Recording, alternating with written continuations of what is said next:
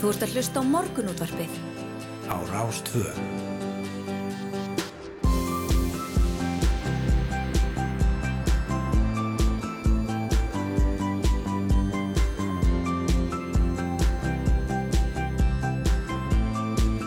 Morgunútvarpið Á Rástvö. Morgunóttabreið býður góðan dag, eh, mánudaginn 4. júli. Klukkuna vantar tíu myndir í sjö og þá er Yngvar Þóru og Rúnar Rópesson sem ætla að vera hérna með ykkur til klukkan nýju. Já, góðan og blessaðan daginn þeir komið að sumafrí ánum þannig að þá var ég mættið til starfa Já, Það er að nákvæmlega. vera hérna í í næstu sex vikur með ykkur Það er alltaf gaman að vera með þér. Þakkaði fyrir það sömulegis Já, það er nú fallegu dagur hér í höfuborginni í morgun. Já. Við mættum til vinnu, björtur og, og, og svona hérna fyrir einmitt sumafrí og það fólk sem er á, Já. leiðinni einhvert. Já, já, nákvæmlega það, það, það lofar góðu allan að byrjun dagsins þannig að eh, þeir sem voru að eh, rumska eh, viti það að það er góð dagur framöndan Já, já, nákvæmlega. Við ætlum að fara vitt og breytt í þætti dagsins og fjalla töluvert um skótarúsina í Kaupmannahöfn. Það var blaðmannafundi núna hjá dönsku lauruglunni sem byrjaði klukkan 6, eh, 8 dönskum tíma og þar kom fram að þrýr eru látnir og fjórir alveglega slasaðir eftir skótarúsina í Vestlunamiðstöð í Kaupmannahöfn í gær. Og þau sem létust voru 17 ára danskur piltur, 17 ára dönsk stúlka og 47 ára maður með rúsneskan ríkisborgarirétt sem var þó búsettur í Danmörku. Um, það kemur hér fram að um, lauruglan telja að árásin hafi verið handháskend og að árásamæðurinn hafi til að mynda ekki fram með árásina vegna kynþáttahaturs og það var ekki talað hans í slagtói með öðrum og það sé ekkert sem bendi til þess að um hriðjuverk hafi verið að ræða. En um, það var um, sendir áð Íslands í Kaupanöfn sem bygglaði til aðstendenda um, já, bygglaði til þeirra sem eru búsettið þarna sem er náttúrulega fjölmarkir Íslendingar Já, að láta aðstandendur vita af sér og, og bendi þeim á neyðarnúmer borgarþjónstunar og við ætlum að ræða við Svein Hák Guðmarsson upplýsingafulltrúa undaríkis ráðuneytisins um viðbröð ráðuneytisins já, borgarþjónustunar í gær og næstu dag. já, einmitt og svo ætlum við að, ræða við líka stúlku sem var starfandi í Vestlunumestinni Emitt, það voru tvær íslenska stúlkur sem voru störum í vestlunni Lindex í Fields í Köpmanöfn þegar skótárúsin varðum hálf sexleiti í gær og við ætlum að ræða við aðra þeirra Jónum Öllum Axelsdóttur sem tókst að flýja út um neyðar útgang vestlunarinnar þegar hún heyrði skotljóð og óttaslegið fólk segja frá því að í vestlunamiðstöðinni væri vopnaður maður. Já, Það var rætt við hann í kvöldfröttum í gær og það kom fram að þeim hefði verið búin áfalla hjálpa og annað slíkt og nú er spurning hvort þið hafi ekki þegið hana og, og þau eru út að vera í, í sjokki næstu daga. já, þetta sé innbönd frá, Já, frá þessum atbyrðum maður, sé það á Twitter og fólk sem tók þetta upp á símanu sína og emitt. það sem aðra sem aðra sést uh, bæði innan í vestlunumestinni og séðan kemur út úr henni í Já. um brunastiga haldandi bara rifli, það er, er alveg með já, ólíkitum að fylgjast með þessu já, já, kom fram á, á blagamannafundinu núna að að maður hefði myndi verið vopnaður rifli og líka verið með, með hníf á sér. Já, hérna.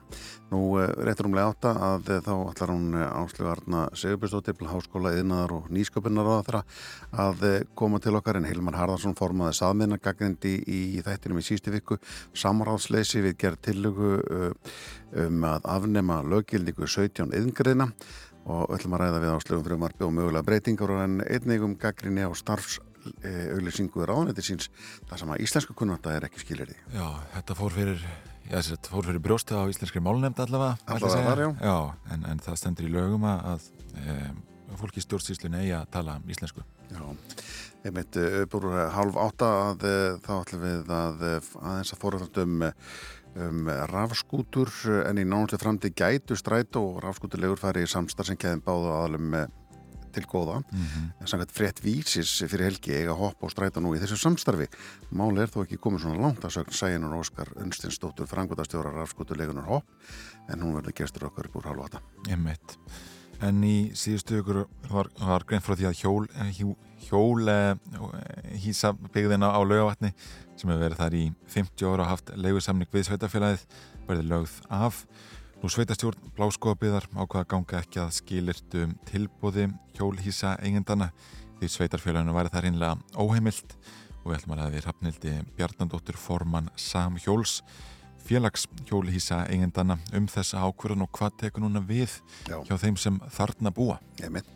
Þetta er uh, spurning hvort að það sé búið að finna annar stað eða hvað fólk, fólk ætlar að gera. Það verður hvort þetta er loka ákvörðun eða hvernig, hvernig það liggur. Uh, allt um það uh, 7.15 hjá okkur en uh, ef við kíkjum aðeins á, á bladagsins, morgunblad kemur út í dag, svo náttúrulega vefmiðlandir já, já, og það er náttúrulega að fjalla um þessa skotarási í Kaupmannhöfn eðrilega og uh, múin að ræða það tölvöld núna og svo náttúrulega í þættinum. En svo segir hérna líka forsýðu morgunblæsins mögulegt að hérastómar viki sæti en dómarafélagið íhugar enn málsókn vegna ofgreitra launa og um, það er verið að fjalla um þetta mála að, að, að dómarafélagið segir að, að fjársýsla ríkisins uh, sé ekki að gera rétt með þessu að uh, vilja fá ofgreitt laun greið tilbaka þrjú ár aftur í tíman. Þetta er áhugavert mál Þetta er mjög áhverð mál, það er líka hér á... maður, maður sé svona skerðingar í mitt og, svona endurgreitlur Já, til já, dæmis hjá öryrkjum og öldruðum einmitt. og þar hefur, hefur ekkert verið, neina refjar með það að baka nei. þetta tilbaka Meini, nákvæmlega. En uh, dómar er í góðri stöðu til að rökræða sitt mál. já, Uh, hér á áfórsið morgunblansins er uh, já, áfram verið að byrta efni úr Dætur Íslands. Við rættum nú við Bjarni Helgarsson sem er með þess að vef þætti á, á vef MBL. já, Það eru núna, já hvað eru, tveir dagar í EM Kvenna. Og um, hér er rætt við Guðrúnu Arnardóttur. Segir alls ekki um, þegar hún er spurð um, af því hvort hún hefði alltaf ætlað sér að verða atvinnukonni fótbolta. Guðrún sem er 26 ára gömul og uppalinn á Ísafyrði er samnústbundin Rosengard í sænskum úrvalstildinni en hún varð svíþjóðar meistari með liðin á síðustu leiktíð og þá fagnaði Rosengard sigur í byggarkeppninni á yfirstandandi keppnistíðinbili hún segir hér, þegar ég var yngri þá pældi ég ekkert í þessu en það var ég ekki einu sinni var meistaraflokkur á Ísafyrði þegar ég var að stiga mín fyrstu skref í boltanum, sagði Guðrún.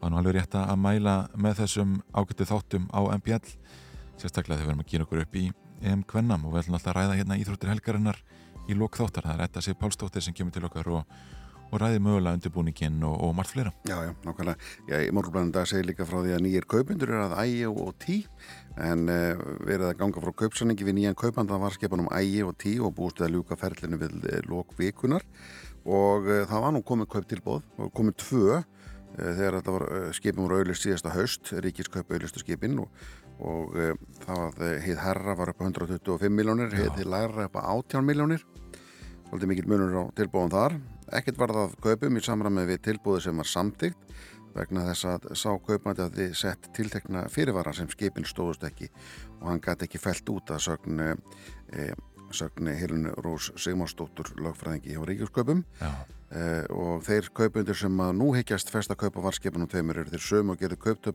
kauptilbúð upprannanlega sem ekki var samtíkt þá. Já, Já. spurning hvort það sé þá sama sömu aðlar eða þetta sé læra tilbúið þetta er mjög áhugavert. kemur ekki ljós. Já, akkurat uh, taldum um viðskipti og, og kaup. Þá er hér genn frá því á, á vef mbl.is Pressungmenn sendi í gær að veitingastafurinn Spaðinn hefur lokað eftir yfirlega tveggja ára starfsemi. Og við þekkjum mörg Þórarinn Ævarsson sem er stopnandi og framkvæmdastjóri Spaðans. Hann segir að rekstur fyrirtækisins hafi af ýmsum ástæðum gengið erfiðlega undarfarið og hafa eigundur fyrirtækisins leitað allra leið að halda reksinum gangandi án árangurs. Og þar kemur einnig fram að, að ég sérst í tilkynningu frá Þórarni að skuldir spaðans séu nær einvorðungu við eigendur fyrirtækisins. En það sem rekstrar grundvöllur er brostin eða mat eigenda að rétt að sé að hætta starfsemi.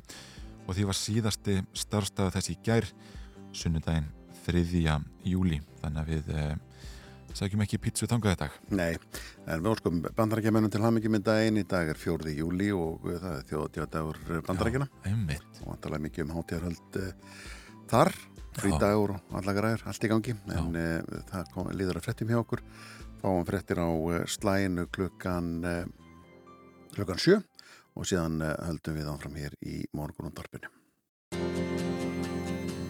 Þú ert að hlusta á morgunútvarpið. Á Rástvö.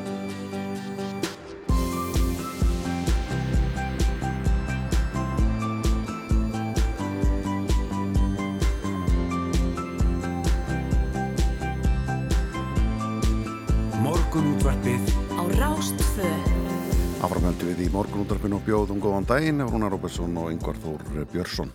Já, já, við ætlum að fara við það í þættinum í dag. Fjallatölvörtum skotarósina í Kaupanöfn sem við heyrðum um hér í sjöfröttum e, Það eru, já, þrjú látin og fjögur til viðbútar lífsættulega særð og nokkur til viðbútar særðust en ekki lífsættulega Nú allmargir íslendingar eru í borginni og sendir á Íslands í Kaupanöfn til þeirra að láta aðstandendur vita af sér og eh, bendi þeim á neyðarnúmer borgarþjónstu og við ætlum að ræði Svein Há Guðmarsson upplýsingafulltur á auðaríkisáðunitisins um viðbröð ráðunitisins og borgarþjónustunar í gæru næstu daga. Og það voru tvær íslenskar stúlkur sem voru á stórum í vestlunni Lindex í Fílds í Kaupanöfn þegar skótarúsinn varðum hálfsæksleti í gær. Við ætlum að ræði við aðra þeirra Jónum Öllum Axelsdóttur sem tókst að flýja út um neyðar útgang vestlunarinnar þegar hún heyrði skotljóð og óttasleiði fólk segja frá því að í vestlunum miðstöðinni væri vopnaður maður. Já, og ögnuleg myndböndin sem maður séð að þessu, þar sem að eh, fólk sérst flýja inn í vestlunni, inn í, í, hérna vestlunum miðstöðinni og uh, það heyrir skotkvellina hljóma. Já, og hann gengur um að þér verist vera pólrólur, vopnaður, bæðbis og nýf Já. á eftir fólki sem þannig flýr. Já, en uh, það er meina sem við ætlum að fjallum uh, Áslug Arna Sigurbjörnsdóttir, háskóla yðnaðar og nýsköpunar á það að vera gestur okkar eftir klukkan 8 við ætlum að ræða við hana um, um frumvarfið um, um löggildingu 17 eða sem þetta verið afnuminn 17 eingreinar löggildingin verið afnuminn mm -hmm. og, og uh, tala um samráðsleysi og ymislegt fleira. Meirum það eftir 8 og uh, svo er það samvinna stræta og, og uh, rafskutulega og, eða hugsanlegt samráð Uh, hvernig það getur litið út í framtíðinni. Mm. uh, Þetta þarf alltaf að spila saman ef við ætlum að leysa úr þessum umfyrðanútum Já, uh, sko þeirra almenningssamgangur og svona samgangur sem að já, svona þetta teku við að hvert öðru sniðut, en meina það halv átta og hér á eftir þá er það hjólhísa byggðin á laugavatni Já, já, nokkvæmlega sem er að vikja Já, já, ég síðustu ykkur á grein fyrir því að hjólhísa byggðin á laugavatni sem hefur verið þar í 50 ár og aftur leigusamling við sveitafélagið verði lögð af. Mm -hmm. og við ætlum að ræða við Hrafnildi Bjarnadóttur Forman Samhjóls félags hjólísa eigenda.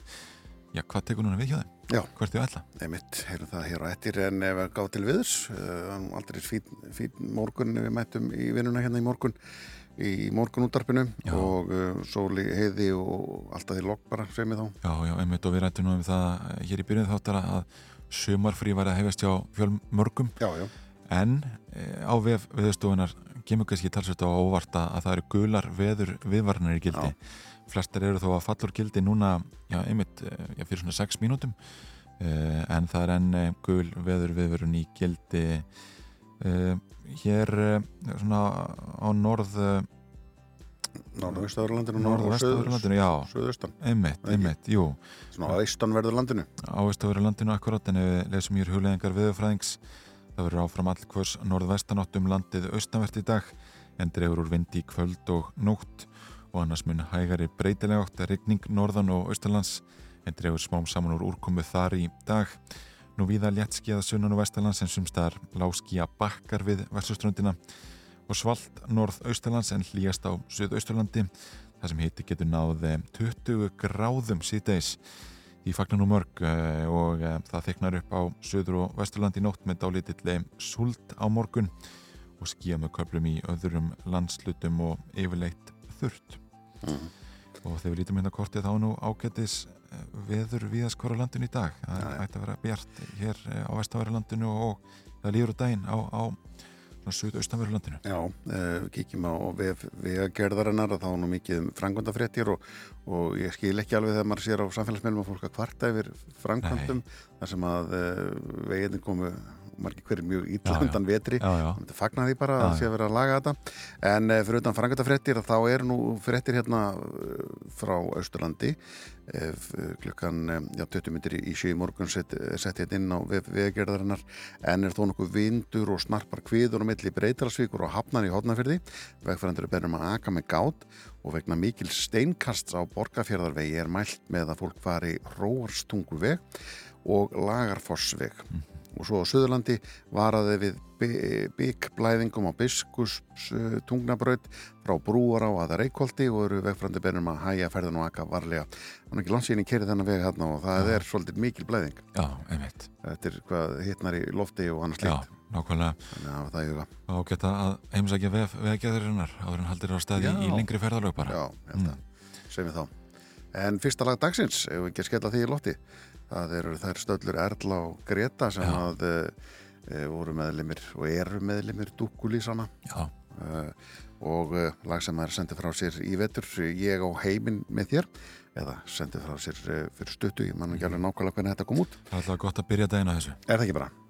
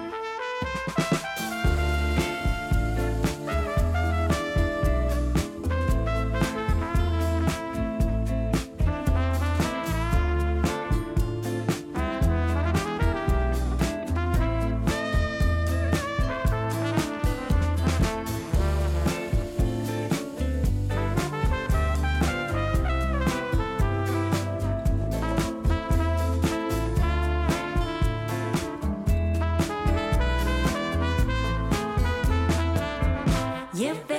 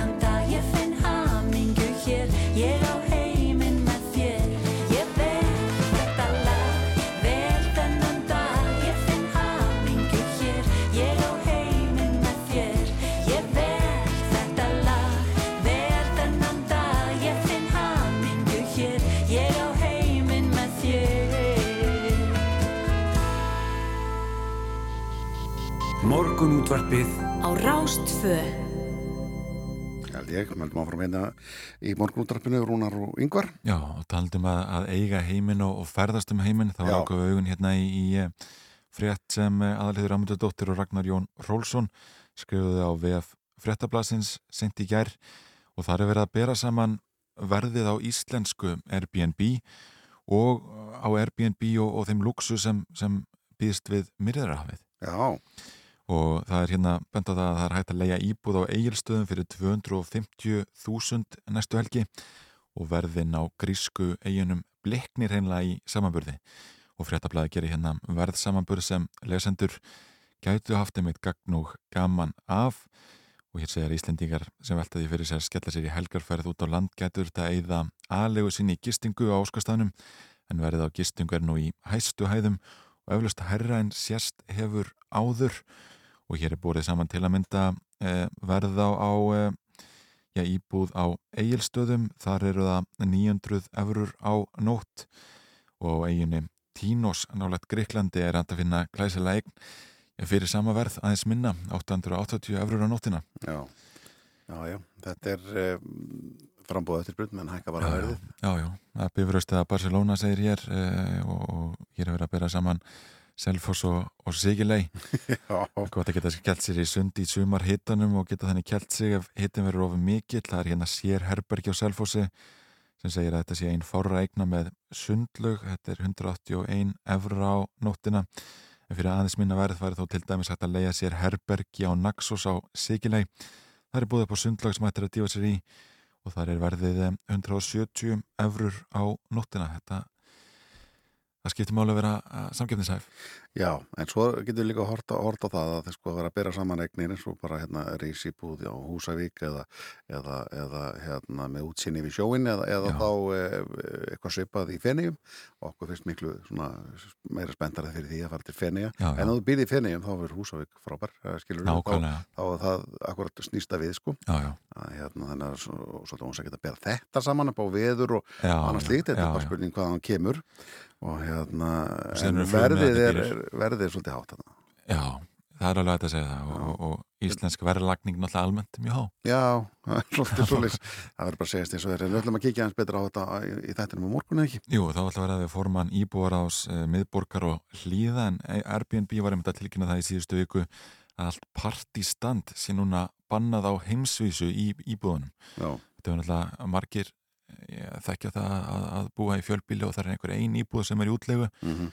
og ferðarfólki vil skemta sér Já, það sjálfsögur er í frí Já, það er í frí og, og vil fá sér drikki og, og hérna jafnvel bjóða öðru fólki sem það þekkir e, úr, úr viðkomandi borg Já.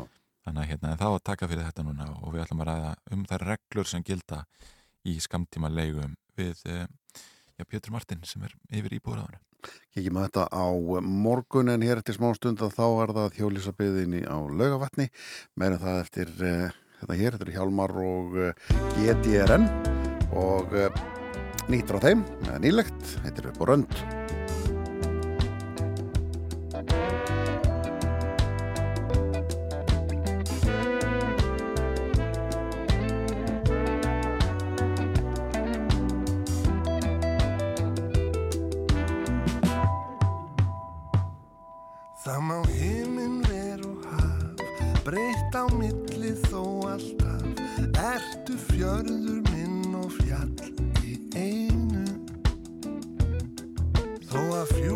fast á rík Ert að fegur innri rík Og í brjósti slæð þitt hjarta reynu Líkt og ægslist ósjálfrátt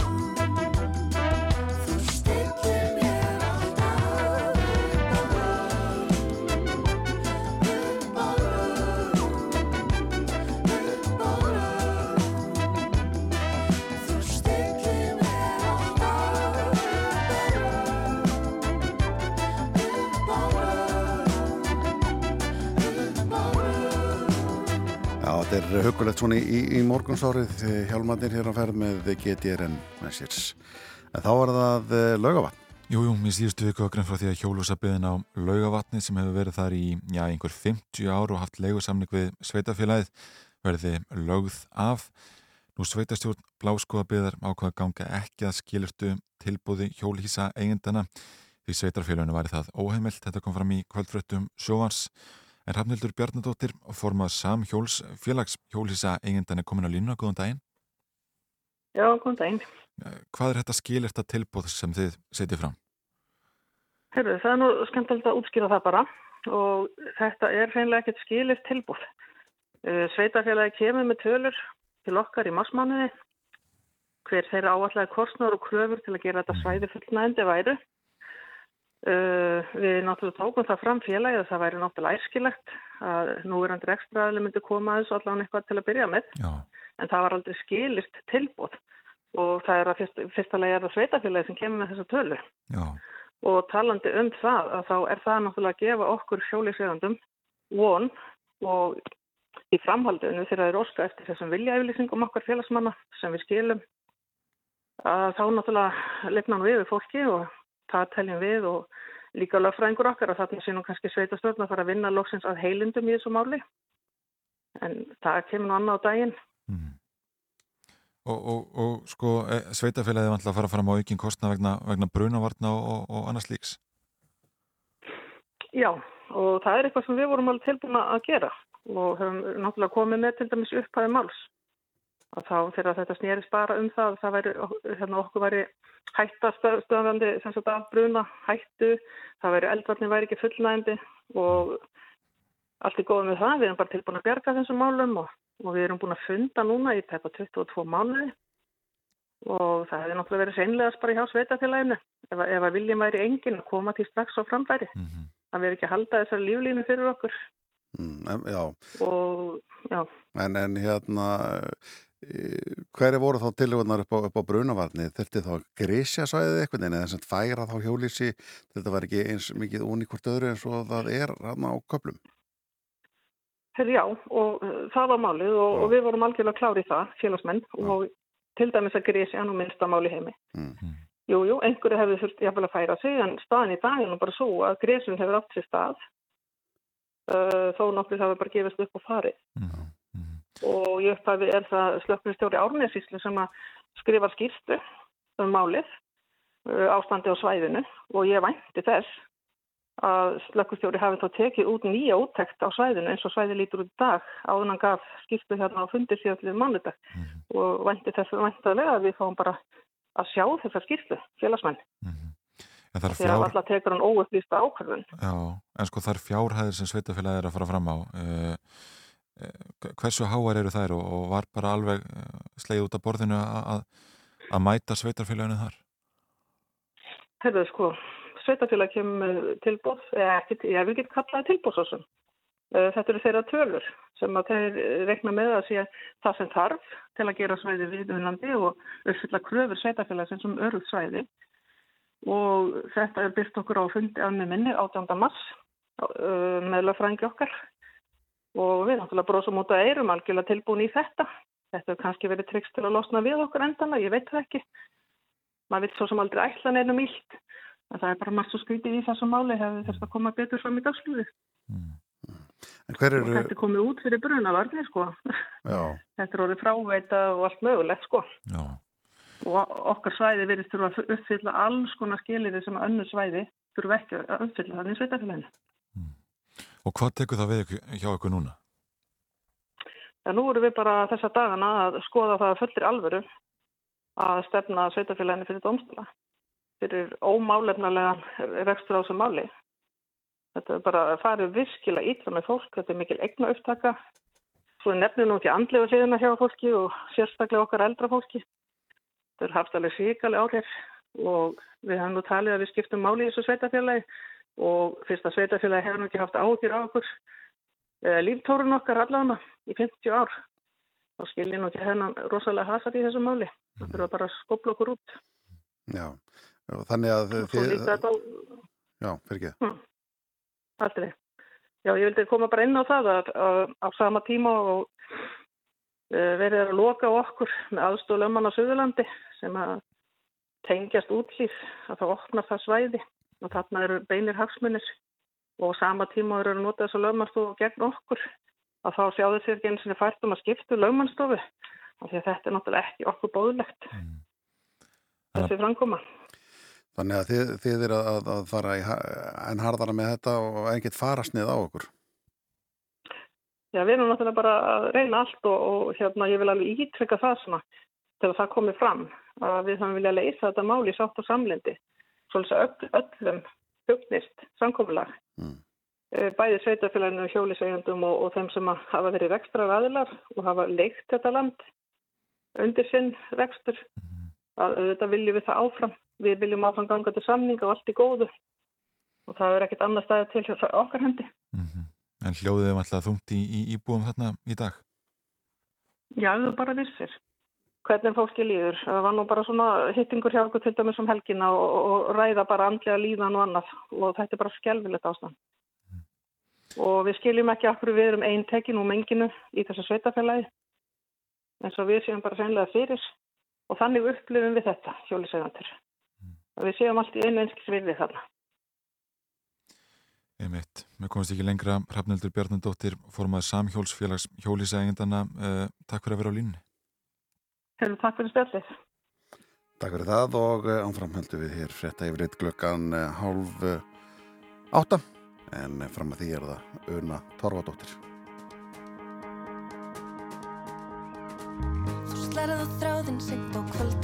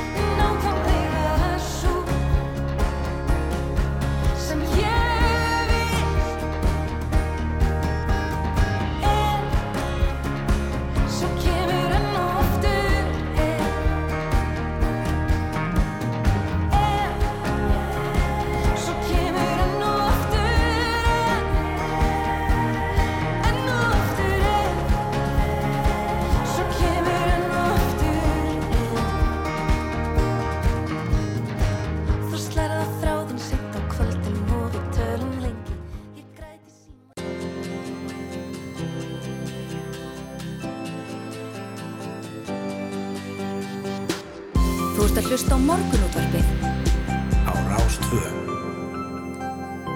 Áfram öll við í, í, í morgunúttarpinu létti ljúfur og kátir hérna Yngvar Þórbjörnsson og Rúna Róbertsson með til klukkan nýju og e, rákust á frétt fyrir helgi á já. vísi já, já. sem að, segir að, að e, ef ég lesa þetta beint bara hérna. Ég segir í fyrirsöks stræt og hopp vilja samin að krafta sína og eiga nú í samstarfi og vonast til að geta gert eh, fólki klift að samtengja ferð með rafskútu og strætisvagni og uh, setjum okkur í, í samband við frangvöldastjóra hopp, Sæjan Ósk Unstensdóttir sem er mættinga. Góðan daginn. Góðan daginn.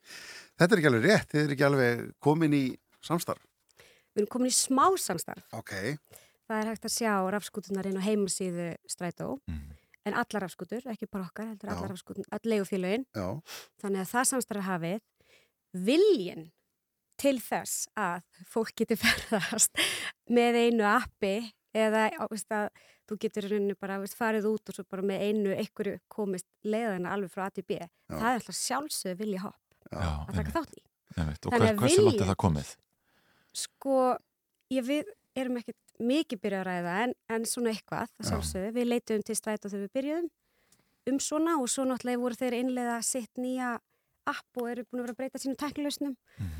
Og hérna og bara sjálfsögðu erum við til að skoða. Já, ég hef myndið að opna hérna eh, síðuna hjá, hjá strætu og sjá hvað þið sjá í hjólinn mm -hmm. og uh, jú, jú, það eru punktar hérna mm -hmm. út um allt. Þú sér eina eða fyrir utan, ég kom náttúrulega einni fyrir þig. Já, já, já, já, auðvitað. Það er ekki hér, jú, ég er Já, já, já Þetta er sniðut, en, en þetta lítur að vera einhvern veginn í framtíðin að við séum með eitt smáfórit þar sem við getum nálgast strætóin og þú getur nálgast borgarlínuna og, og, og hoppjólin Það sjálfsög, og ég held að líkilin sé að gera þetta nótundavænt mm -hmm. veist, Við leggjum mikið upp á nótunda upplifun að allt sé ofbáslega einfalt og það, það, það sem við teljum að skiptir úrslega miklu máli Já Þetta sé einfalt. Já, en, en hefur komið til, já, er hugmynda að, að fólk taki þá hoppjólinn með sér í strætu og fari með því einhvert annað? Ég myndi segja alls ekki. Alls ekki? Ég myndi segja sko að, að hoppjólinn og bara rafskutunar er að fara að koma fólkinu á strætustöðarnar mm. og þá á borgarlínustöðarnar mm. og þess að skiptir svo miklu máli að byrja núna að gefa rafskutunni pláss við strætustöðarnar. Já. Já, að, þá að fara að vinna í því að fá plan eða eitthvað stjætt við hliðina svo að þetta sé ekki fyrir, þetta er nú oft fyrir að göngustígum og annað slikt. Akkurat og líka bara víst að það er búið viðurkenna, við erum alltaf fyrst og fyrst samgöngu fyrirtæki og það er búið viðurkenna rafskutuna sem samgöngumóta að við erum að stækka núna gríðarlega út af eftirspurninni og við verðum að fá plás, það er ekkert hægt að hafa ekki stæði fyrir okkur. Mm. og við viljum ekki að skúta sér fyrir og skapi hættu Nei. á hjólastíði eða annar staðar. Og þetta er svona pínu eins og þegar maður lappar inn í forstofu það sem er mikið af börnum, þá sem eins og börnin hafi gufað upp. Vitið það svona stífvel og úlp og svona gólunni Akkurat það sem við stóðu. Já, akkurat sem við stóðu, þannig er því miður farið með rafskutuna og það gengur ekki upp. Nei. Við verðum að bæta. Já. og í gæri, það var skemmtlegt að þá voru við sérst Östubær, hérna Hálitsbrut 68 var að merkja núna fyrstu, við vorum að stenslæði stjættina fyrstu stæðin, rafskutustæðin við ákvæmum að taka þetta bara svolítið í okkar hendur. Borgin gerir eins og hún getur að gefa okkur stæði. Mm -hmm fólk vill fá stæði. Já. og við erum núna bara að byrja að merka já, það er bara komið hopp skúta fyrir utan Östubæ Östuver segi Östuver, já, já Þetta er mjög áhugavert eh, Þið erum alltaf með ykkar eigið app mm -hmm. sem er strætum með sitt app mm -hmm. sem hefur verið kannski minni ánægja með eh, allavega var það þannig eh, við erum svona horfallir framtíða kannski en, en, mm. en væri þá hugmyndina að, að strætum myndi ganga inn í ykkar fórit eða, eða myndi koma eitthvað nýtt sem myndi samina bara öll samgöngumála á höfuborgarsöðun og viðar? Það er náttúrulega, en væri ekki geggja að geta lappa inn í strætum með hoppa-appi og borga strætum? Jú, Nei, ég held að það þurfi bara, veist, þetta samtað það bara að byrja strax og, og það þarf að byrja heilstætt með það borgarlínni og það þarf að vera allir þurfa að ganga til borðs með opnum huga því að náttúrulega mörg mm. viðskiptamótel sem koma saman Þetta eru ekkit einfalt. Þetta er ekki einfalt. Nei, en ef borg, öðrum borgum hefur tekist þetta, þá hljótu, hlýtur okkur að geta já, já. hvað, þetta. Hérna, hvað eru mörg fyrirtækjar af skutumarkaðanum í dag? Þau eru þrjú. Þau eru þrjú, já. Og fleiri þúsund hjól? Sko, Ef, við erum með þúsund. Þeir eru með þúsund, já. Já, ég myndi ekki segja fleiri þúsund. Nei. Ég efast, við náum ekki tvö þúsund, held ég. Nei, skilji. Fyrir en í vikunni, mm. þá fyrir við í fleiri þúsund. Já. Þá farið í fleiri þúsund. Já, já, já. Eru að stækka svæðið ykkur enn fyrir ykkar? Já. Við erum að fara að opna loksins, við erum búin að starfa núna í 2,5 ár, rúmt, já, og hérna loksins grá og árbæ og út í öll hverfin. Já. Við höfum ekki verið í Efraböldi, Völlunum, Setberginu mm. og við fáum náttúrulega svakalega þrýsting og pínum svona hvernig dyrfisti að kalla ykkur hópreikjaug þegar þið náðu ekki upp í Efraböldi og það er bara alveg rétt en við bara gátum ekki að stakka svæði meira. Nei. Þetta er, er bara svolítið bundi við miðborg í hverju landi svona í allana til að byrja með. Já. Já, kannski til að byrja með, en ég held svo að framtíðasíni sé einmitt að eigi eftir að breytast. Vist, með tilkomi betri almenni samganguna hér til dæmis höfbrukarsvæðinu, Já, að það færust við held ég meira í útkvörun. Já, ég held að hljóta vera þróunin. Örflæði það er bara komið til að vera. Þetta er bara svona einfalt. Við verðum að breyta því hvernig við ferðumst. Mhm. Það er ekki pláss fyrir fleiri bíla, ekki skiplarslega og ekki umhverfislega. Mm. Við verðum að breyta okkur. Mhm. Rafskútar og örflæði allt er bara þar einn rosalega stóri liður. Þannig að þetta er bara framtíð. Þetta Já. er bara svona einfalt. Og svo hvernig að þetta snýst alltaf um flæðið og eftirspurnina og þá hvar verður eftirspurnin þegar við verðum komið með rosalega flotta borgarlínu. Eins og við höfum öll ekki eftir einhvern veginn þessa dagina þá er mikill fjöldi færðarfólks hér á landi. Uh, þið kynntuð, já þú góð sérna síðast með þess að til okkar þegar þið voru að kynna deili bílan ykkar. Mm uh, verðið á þessum bílalegu bílum uh, fyrirtækina, það er hátt. Finnið fyrir því að, að ferða fólki sé að þá að nýta deili bílina, bílana ykkar í, í auknum mæli? Já, mjög mikið. Akkurat, við finnum mikið fyrir því og við getum alltaf séð það bara við sjáum erlendnúmer koma inn, mm þannig að það er mikið nota. En það er, sko, deilibílanir eru náttúrulega, sko, þetta snatt. Já, Þú veist, við erum, ég held að sé bara eitt bíl búin að fara gullnaringin. Já. Af því að þessi bílar er ekki settar á guttuna fyrir það. Nei. Hvað eru en bílalögur? það er hægt að fara bara Já, náðast þingina á Já, þessum en deili þú verður að fylgjast með hlæðslunni. Því Já. þú fær náttúrulega sagt og skilar honum og þú getur ekki hlaðað hann í rauninu, við þurfum að hlaða hann. Já, Já, það er ekkert að hlaðan bara á næsta staður. nei, en Við einhver þurfum að hlaða hann eins og er og meðan að tækni býður ekki. Ég getur ímyndað einhver sparnaðarækstur í bæinn eða þú fór skuldnaringin að reyna að ná Þetta eru hugmyndir. Bakka. Já, já, já, já. Er þið með marga bíla? Við erum núna með 11 Já, já, og værum komið með fleiri ef það væru bara til fleiri rafbílar á landinu. Já. og þetta er svona allt í þróun og mótun bara. Já. en skiptir líka rosalega miklu máli að við gerum þetta svona hægt og vandlega og vöndum okkur því að við viljum ekki bæta bílum í flóruna. Við viljum að fólk hafi valmöguleik og fækki skilji, við, að, við viljum að þú kannski sleppir því að kaupa þinn auka bíl og nota deilibílin og svo, þú veist, við erum náttúrulega að horfa á þennan bílösa lífstíls hóp en hvað er það svo, bílös lífstíl finnst ykkur ekki magnað að við séum með þetta orð? Jú, og mert, bílarnir eitthvað mertir líka Já, þannig. svo er mitt fekk, var búið að gera svolítið grína okkur núna, bílinn okkar er mertur, ég lifi bílösa lífstíl. Já, og það er kannski þessi öfgar sem þurfa. Við þurfum alltaf eitthvað svona öfga inn til þess að verða eitthvað viðhalsbreyting já, en ég tel mig lifa bílösu lífstíl þrátt fyrir að ég eigi bíl. Vegna þess að ég vel alla daga að ferðast um án bíls. Já, og svo nota ég bílinn þegar ég fyrir sveitina mína. Já, eða þegar ég fyrir að vesla, eða þegar ég þarf að læknis. Þannig að þetta er þetta, þetta val. Þannig að það væri svo gaman að stopna annan hóp bara svona blandaðu lífstíl já, með það fókus á hitt. Já, já, heilla þannig kannski fleiri Já, akkurat. Já, Það nefndir hérna áðan að hérna, þið vildi ekki sjá skúturnar svona uh, viðadreifi eins og mm. skópur í, í andri hjá, hjá Akkurat. að hérna, er eitthvað sem þið geti gert í því eða bara höfða til notandans? Sko við getum gert miklu, miklu meira. Þið náttúrulega, þegar þið skiptu um batteri og annars slíkt eh, Já, við erum þá, þá náttúrulega er mann að séð starfsmenn koma, skiptum batteri og hjólið er bara eins á sama stað. Hefur þú kannski- séð það? Já, ég sé það. Frá starfsmunum mínum? Já, Ég minn einu það, já, já, Því það er bara einst stærsta reglan. Þú skiptur um batti þá skilur við skútuna þannig að hún sé ekki fyrir. Já, akkurat. Já. Einmitt, það er kannski þeirra uh, ég veit ekki, menna að hlýta sér eitthvað en, en, en svo gengur og gerist bara. En hérna, Það má samt ekki sko. nei, þetta má ekki. En nei. þannig að þið pælið í þessu. Já, við lögum alla skútur. Starfsfólki að hopp laga líka skútur frá hinu félagunum já, já, já, Það skiptir okkur bara öllu máli að sé vel gengið um skútur Hún á ekki að vera fyrir. Nei. Og við erum náttúrulega mikið með þrönga stjættar og annað já, já. sem er náttúrulega ekki nógu gott.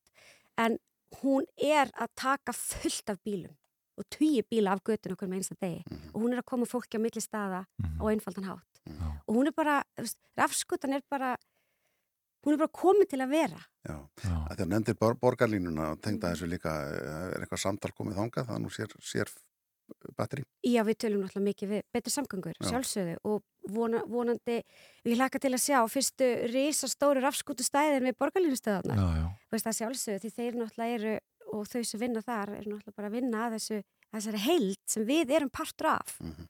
því að svo eru við líka að fara að koma með fleiri faratækjar sem segir að við verum bara með rafskutur og bíla mhm, við um eftir hjól og vespur og fleira, við, við þurfum að breytast. Við þurfum að breytast, við þurfum að koma með meira val. Já, já, það sér ágættis mun á til dæmis uh, Ítalíu já, og annars vegar og kannski bandarækjum hins vegar sem allir eru á stórum pallbílum já, en á Ítalíu er allir svona litlum Fiat eða Vespum. Já. af því að plássi er svo lítið Akkurát. Við þurfum að breyta þessu. Og ég hlakka svo til þegar fleiri litlir bílar eru komnir því þeir munu kannski aka hægar og ég þarf ekki með barnið mitt alltaf að vera að passa mig á þessum bíl. Já, já, einmitt. að bílinn verður orðin í minni stærð, jafnvel, Já. vitið þið, að þetta er svo ógnandi. Það er 30 götur, það keirir enginn á 30. Nei, nei. Þannig við erum alltaf að kenna öllum að passa sig á bílnum og við þurfum alltaf að brinja okkur meir og meir Mhm. á meðan að þú situr inn í bílnum og ekkur um og, Já. og getur kert á hinna. Þetta er ekki rétt. Já, bílstjórun náttúrulega á að passa sér og, við erum með umfrareglur og annars líkt. Já, við hefum náttúrulega að fókusa á. Já, já. Fólk passi sig á hvernig, hvernig metur framhaldi núna næstu mánu? Er þetta algjör sumarvertíð þessi bransi og síðan drægið sama seglina á haustinu vitna? Já, við lendum náttúrulega í fyrsta svona álfuru veturinum okkar síðasta vetur. Þannig að við erum klárlega að breyta og taka inn fleiri skútur í vetur en við gerðum í fyrra. Já. En skútan var notuð mjög mikið.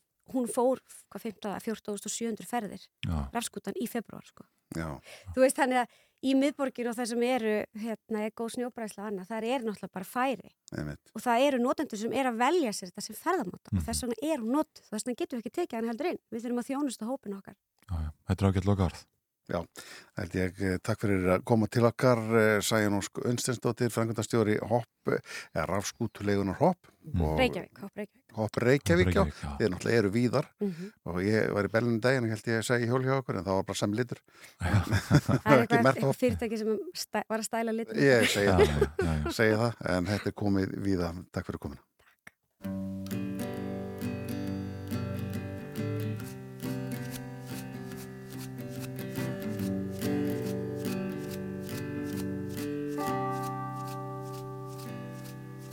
You're a part-time lover and a full-time friend. The monkey on your back is the latest trend. I don't see what anyone can see in anyone else.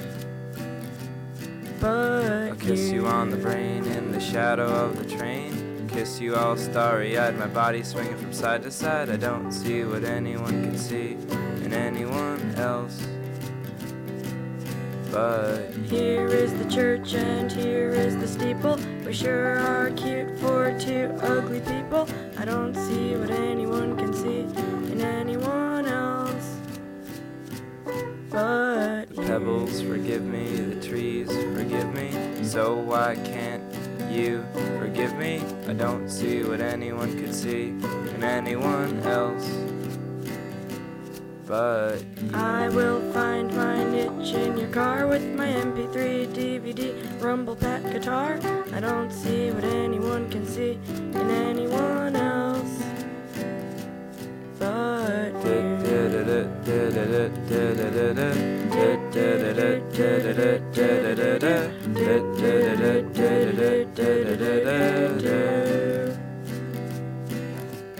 Up, up, down, down, left, right, left, right, be a start. Just because we use cheats doesn't mean we're not smart. I don't see what anyone can see in anyone else. But You are always trying to keep it real. I'm in love with how you feel. I don't see what anyone can see in anyone else. We both have shiny, happy fits of rage. You want more fans, I want more stage. I don't see what anyone can see in anyone else. But Don Quixote was a steel driving man. My name is Adam, I'm your biggest fan. I don't see what anyone can see in anyone else. But Squinched up your face and did a dance. Shook a little turd out of the bottom of your pants. I don't see what anyone can see in anyone else. But you.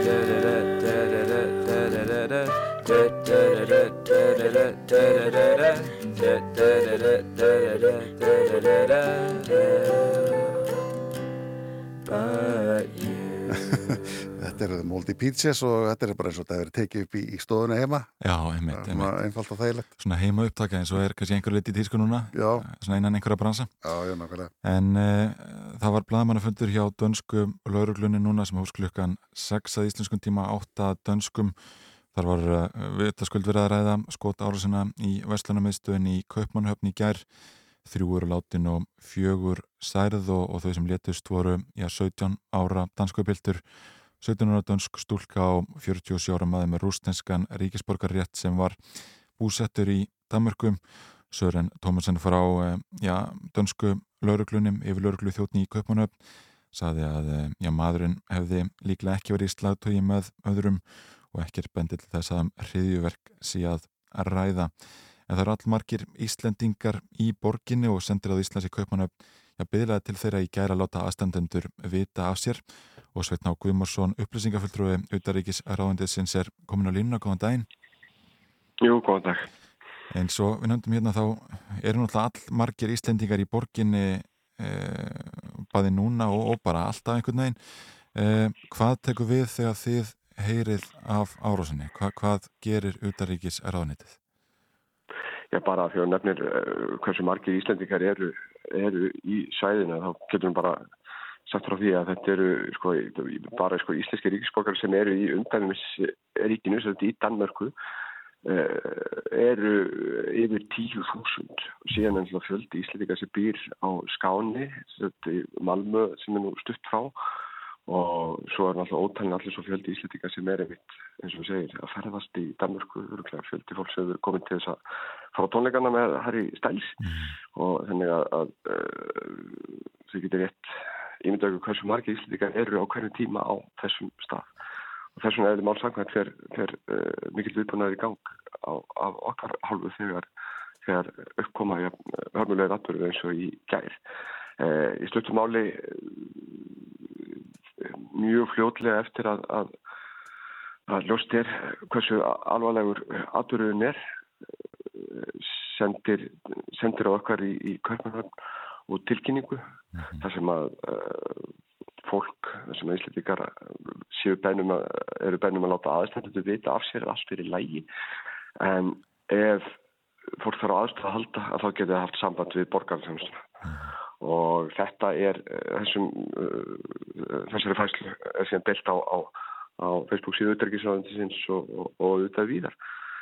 Og uh, þetta er mjög höfbundi verkla og hefur verið viðhótt lengi við æfum þetta á og til og sendir skrifstofna hver og einn þannig að, að, að þegar eitthvað kemur upp að þá fara allir í starthólundar Já, já, einmitt. Hvernig það, sko, hversu mörg höfðu samband við borgarþjónustuna og óskuðu eftir einhvers konar aðstóð eða, eða bara eh, einhvern veginn aðstóð utaríkisáðanitisins við, við að miðla til aðstæðenda að það veri lægi? Í, það er ímsum tóri, ég held að, að samtals, eh, eftir því sé ekki, það er upplýsingar, ég er með nýjast að hafa þetta verið, verið eh, alls fimm manns mm. sem haft samband út af það. Uh, einhverjir vildu komast heim strax og, og sko þetta er aðstofið að, að, að fá, fá upplýsingar eða aðstofið að bóka flug bara sem fyrst frá gömunum aðrir uh, voru auðvitað í áfalli bara fólk sem hafi verið í vestlæðarmyndstöðinu þegar, þegar árið sem það gerð og uh, þurftu á áfallega hjálp að halda og var óskæði til áfallega hjálp á íslensku. Mm. og sendir á þennu í, í köknunartunni sér starfandi sendir ás prestur sem getur þar sannlega komið að málum. Þannig að, að sem betur þér var enginn af þeim sem hefði samband við styrkistjónustuna hefði orðið fyrir árásunni hefði, hefði orðið fyrir neitt þýrið en, en ég held að það að vera á vettvangi slíkar aðstæður það er auðvitað mikið áfall fyrir alla og, og, og þess vegna hefur fólk haft samband. Já, er tíma bara að, að, að, að við förum bara að huga því að við erum ekki að fjölförnum stöðum þegar við erum að ferðast? Þetta er veist, hópur að mæta á tónleika hérna við hlýðina og, og svona vestlunumistar og maður fyrir svona að hugsa sko að eh, svona laga gerist yfir það sem að margt fólk kemur saman Nei, ég myndi nú ekki ganga svo langt að þetta er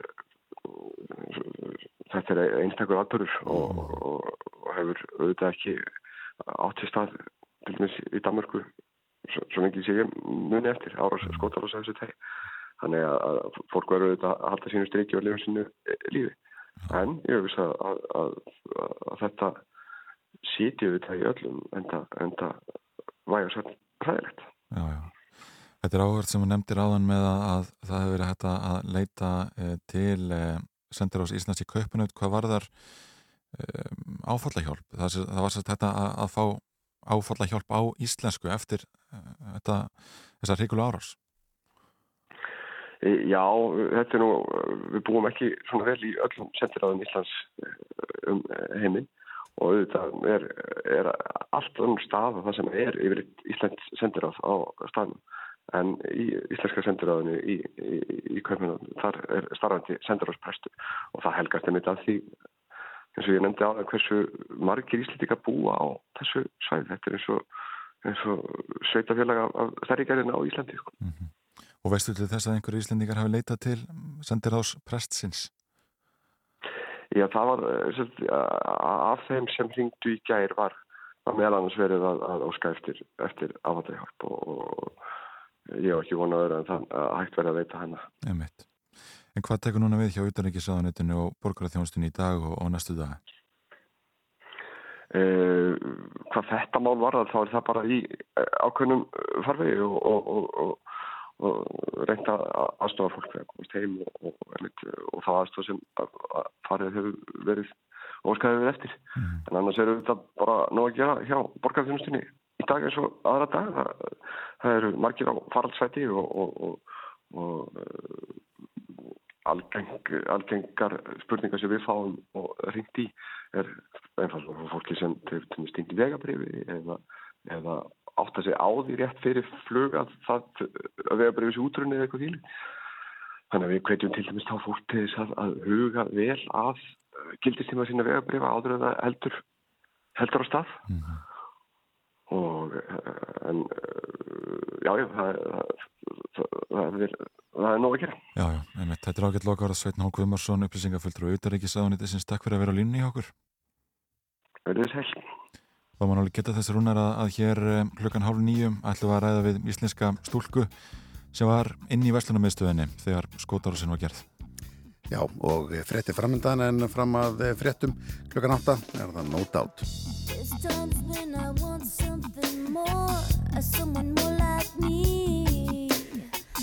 There's times when this dress rehearsal seems incomplete. But you see the colors in me like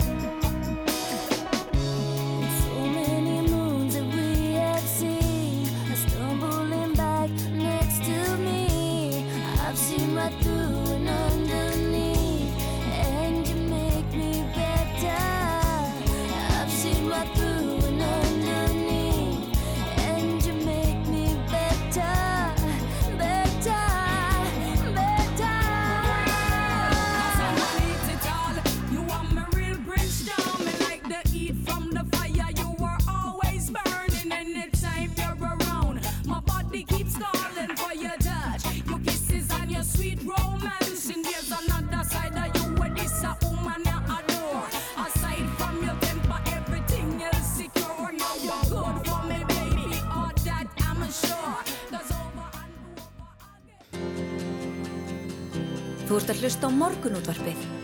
Á Rástvöð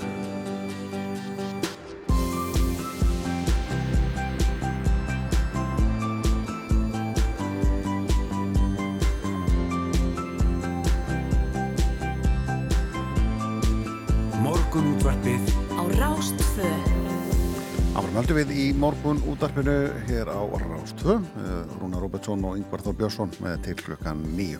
Einmitt eh, eins og við heyrðum, eh, við heyrðum brotur viðtalakar við Svein Há Guðmarsson, upplýsingafullur á Utaríkis ráðundisins hér í áttafréttum. Við vorum að ræða við hann um eh, þá Íslendinga sem eru í Kaupanöfn eftir skotarásna þar í vestlunarmiðstöðinni Fields. Við ætlum hér já, um það byrj hálf nýju að ræða við íslenska stúlku sem vinnur í þessari vestlunarmiðstöð og var þarna inni þegar árásinn var gerð. Henni tókst að flýja út um neyðar útgang vestlunarinnar þegar hún heyrði skotljóð og óttaslegið fólk segja frá því að í vestlunarmiðstöðinu væri vopnaður maður. Já, í lók þáttar þá ræði við Íþróttur helgarinnar eins og alltaf á mánundum og þetta skipti með Dursi Pálsdóttur, maður að kíkja á EM sem er framöndan um hvenna í knaspinu og verður spilað á Englandi. Já, já, akkurat. Og síðan ætlum við hér eftir nokkra myndur að heyra í áslögu Örnu Sögbjörnsdóttur, háskólaðinnar og nýsköpunar á þeirra en e, það líkur núna frumvar fyrir um að afnema löggildingu 17 yðgreina, þetta er í samráðskátt stjórnvalda. En Hilmar Harðarsson formaður samiðnar gaggrindi í þættu okkar í síðustu vöku um samráðsleysi við gerð þessara tilagna sem snúa að einmitt afnema löggildingum 17 yðingreina. Við að ræða við áslögu já, um frumvarpið og, og já, þetta starf sem þau auðlustu, það sem íslensku kunnátt er ekki skilir. Já, meirum það hér eftir smástund. We were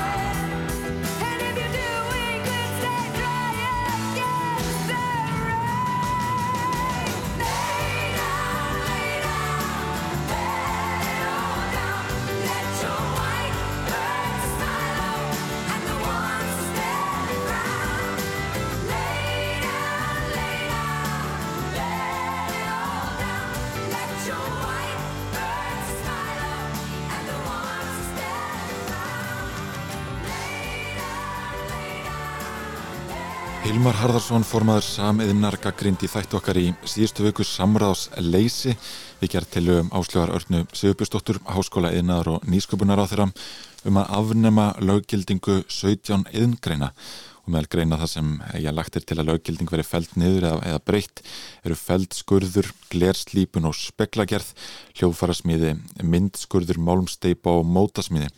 Nú áslögur hinga komin, góðan daginn. Góðan dag.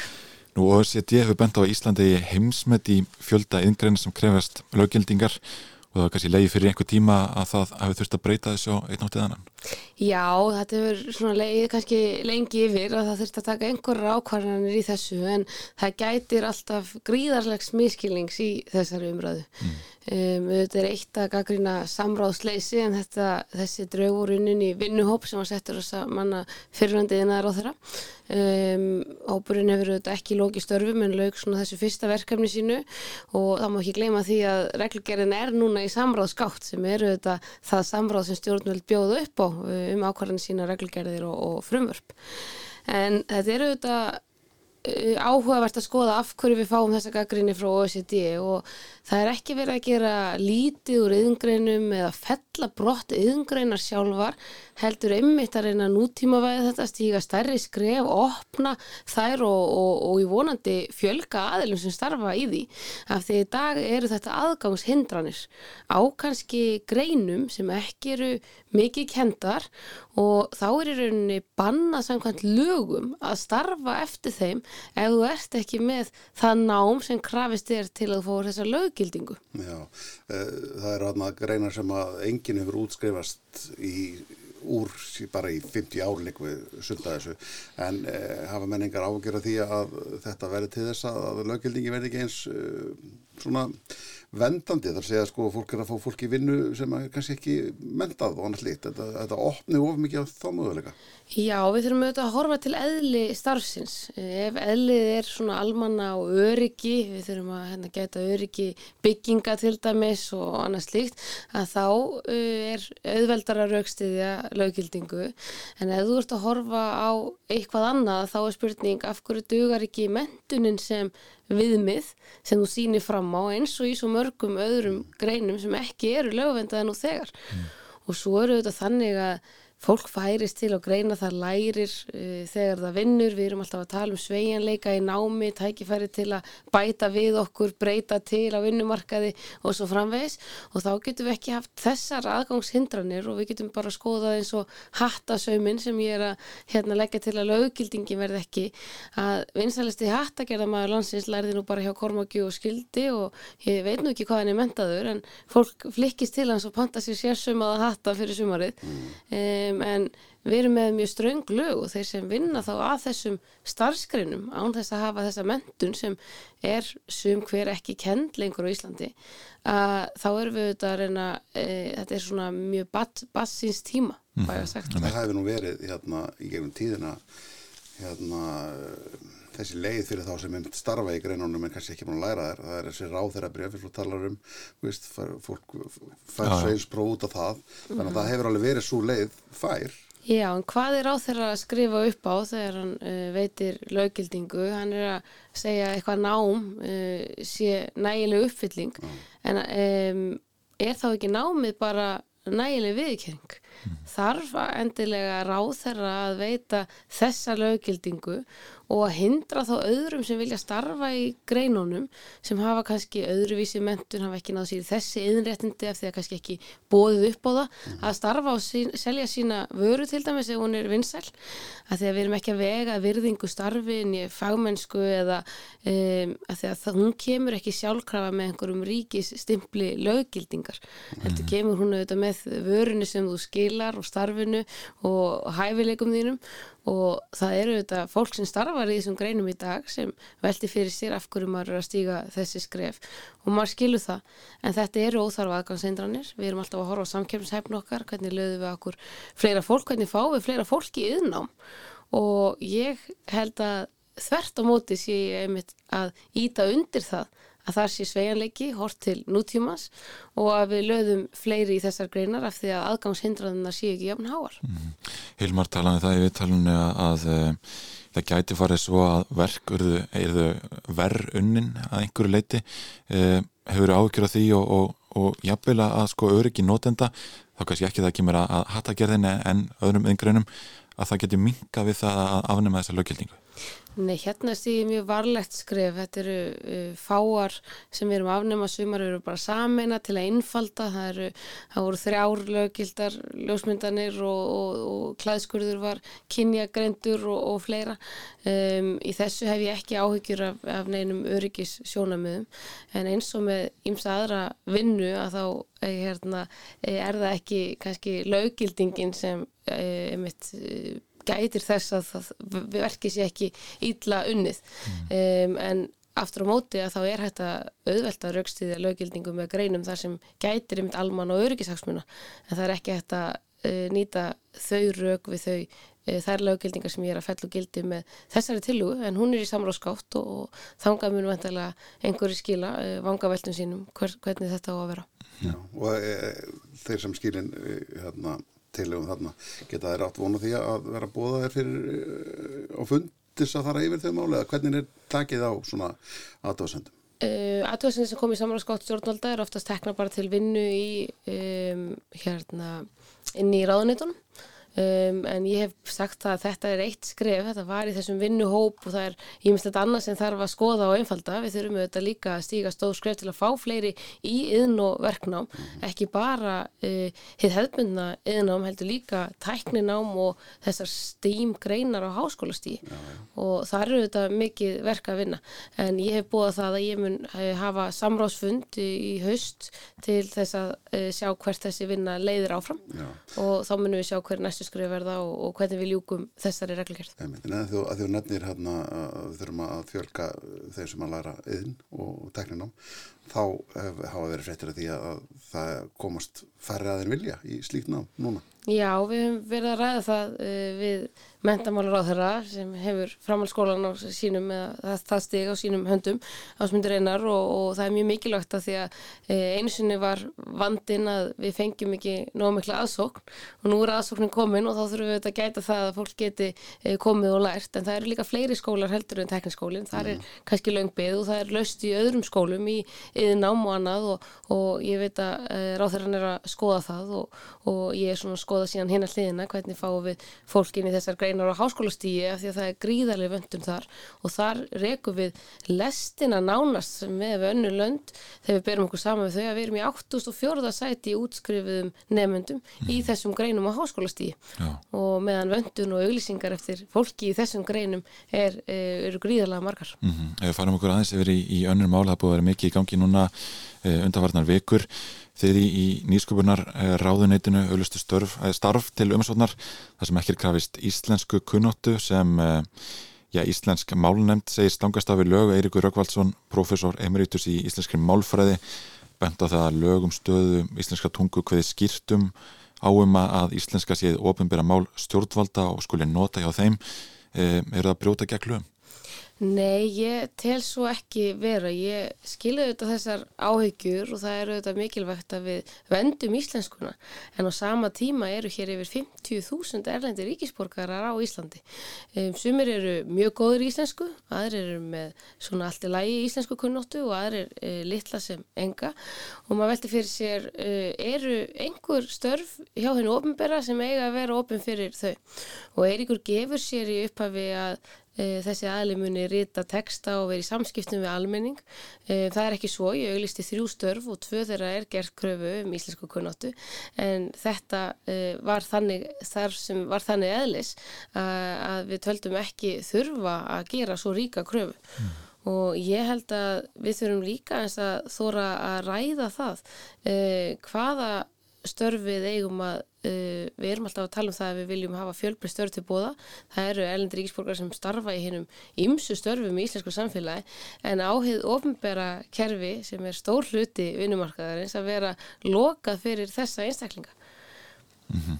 Hún nefndi það, uh, já, varaformaður uh, málnemdarinnar að að við, við komum til einstaklingur myndi vissulega vinna í teimi og, og að, að aðrir í teiminu þurftu þá að sætta sig við að, að tala ennsku, eh, hvernig horfðu það þér? Ég hef ekki miklar áhyggjur af þessu um, og þetta er svona, maður fær svolítið svörin og viðbröðin þannig að það er engin áhuga að ræða um það hvernig við ættum að stjórna og hafa lög og reglur. Heldur bara einhvern veginn að við höfum aldrei gert þetta svona og við skulum sko alls ekki byrja á að gera þetta og ég er auðvitað í stjórnmálum til að breyta til batnaðar og rjúfa á hvernig kyrstuðu og er að reyna að breyta vinnulagi í stjórnkerfisins þannig að það virki betur, það sé hérna um, sveigjanlegu vinnutími, engin stimpilklukka og, og fleira. Og þróa stjórnkerfið í átt við eðlulegar þjóðfélagsbreytingar. Og þá hlutum við líka að þurfa að horfa til þeirra fjölda Uh, mann sem bú, býr hér á landi sem ekki talar fullkomna íslensku um, og hvort að við getum ekki leift þeim að koma að ákveðnum störfum. Já, þarf það ekki að breyta lögum fyrst, er, er ekki það sem Eiríkur er myndið að benda á að það eru lög sem að segja að það skuli tala íslensku, þessi þarsmenn hins og óbera? Já, þau eru, það eru þessi lög en um, þau eiga við held ég um önnur störf um, og ég held að þetta falli utan þess, það má kannski eh, hann, hann eh, velti því fyrir sér hvort að það sé eh, rámt hjá mér og við þurfum bara auðvitað að skoða það betur hvort að þurfi lagbreytingu til þess. En þá velti ég fyrir mér, getur við þá ekki tala um það hvernig okkur finnst eitt kerfið ætti að vera? Og það má held ég kannski alveg færa rauk fyrir því að krafan um íslensku sé tekin ef þetta er rétt hjá honum lengra en nöðsynlegt er af því að það hlýtur að þurfa að tólka það ákvæði líka um meðalhóf og jafnbræði. Við erum að leita að hæfast að einstaklingnum í þetta starf uh, sem er hérna á Íslandi og við ákvæðum að gera ekki kröfu um uh, góða íslensku kunnóttu. Og ég held að við þurfum að þóra að ræða það hvernig kerfið má vera og getur verið á þess að við séum að ráðast að íslenskri tungu og við sjáum það nú bara að ef enginn í stjórnkerfinu sé, ef, ef engin störf eru auglýst á þessum hætti, þá erum við að loka mjög stór hluta vinnumarkaðarins. Nema það ræstingafólk sem heldur nú uppi mjög mikilvægri þjónustu innan stjórnkerfisins, er það eina fólkið sem má í alvörunni ekki tala að líta lausa íslensku. Það voru einstaklingar í, í viðskiptalífinu kannski sérstaklega sem töluðu fyrir því fyrir nokkrum árum að, ennska eru notuð í miklu meira mæli og eru jafnvel svona bara ofinbært tungamál í, í viðskiptalífinu. Um, og það æskilegt að þínum að það fara miklu, miklu lengra í, í þessa leið að, á þessari brauta að, að leifa fólki að tala það tungumál bara sem tilhýður best með og, og, og fá allir einhvern veginn að taka betri þátt í samfélaginu. Ég held að við eigum að leggja mikið upp úr því að varveita íslenskuna en það eru undir okkur komið og vilja fólks í landinu að gera slíkt. Uh, íslenskan er uh, alveg einstakt tungumál en ég held að þó að við höldum í hana leggjum mikið upp úr því að kenna fólki hana og að, uh, að íslenskan sé hefð mál sem við notum að þá er ekkert því til stafni að við þróumst þó eðlilega í, í ákveðnar svona áttir. Við sjáum það að Sælabankin og, og Hagstofan skila til dæmis skýslum bæði á íslensku og ennsku svo séum við þetta greina stuðuna uh, hérna á Íslandi frá erlendu sérfræðingum til dæmis. Og við höfum nú séð það líka þegar uh, mikið líku við og mikið hefur gerst í íslensku samfélagi þá er oft leita til erlendra sérfræðinga. Um, þannig að ég held að við þurfum auðvitað að kannski að sjá bara hvernig við viljum hafa kerfið án þess að við vegum að íslenskunni sem því grunnmáli sem við notum hvort sem það er í stjórnkerfinu eða viðskiptalífinu. Mm. Það er kannski uh, leiðalt að spyrja svona en hérna uh, er þessi auðvilsing þá uh, sett fram að því að það er búið að ráðistöðuna?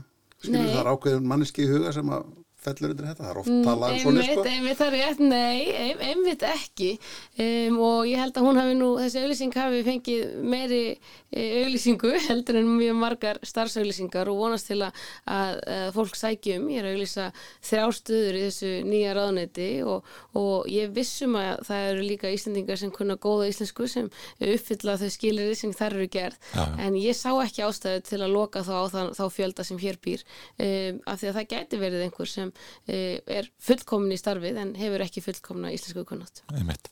Þetta er ágætt lokaorð áslegarna Sigurbjörnsdóttir, Háskóla Einnaðar og Nýsköpunar á þeirra. Takk fyrir að kíkja til okkar í morgunúttarpið. Takk fyrir mig. Morgunútvarpið á Rástfö.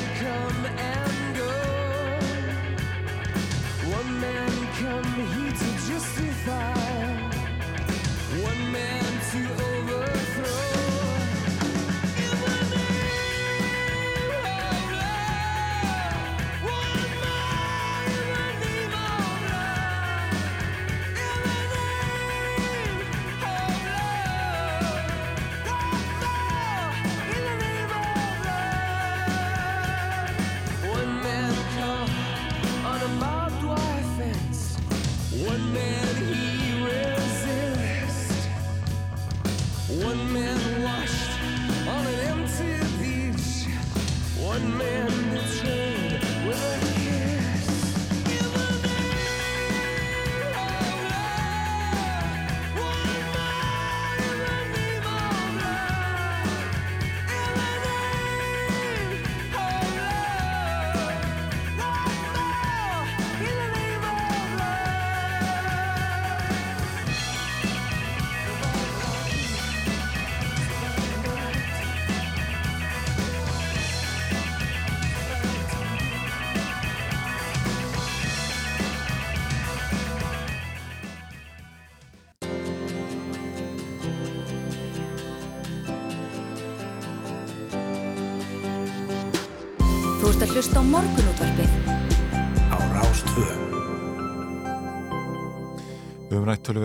töluvert um skotarúsina í Kaupmannöfni í þættinum í dag en tvær íslenskar stúlkur voru að störfum í vestlunni Lindex í Fields í Kaupmannöfn þegar skotarúsin varð um hálf sex leitið í ger.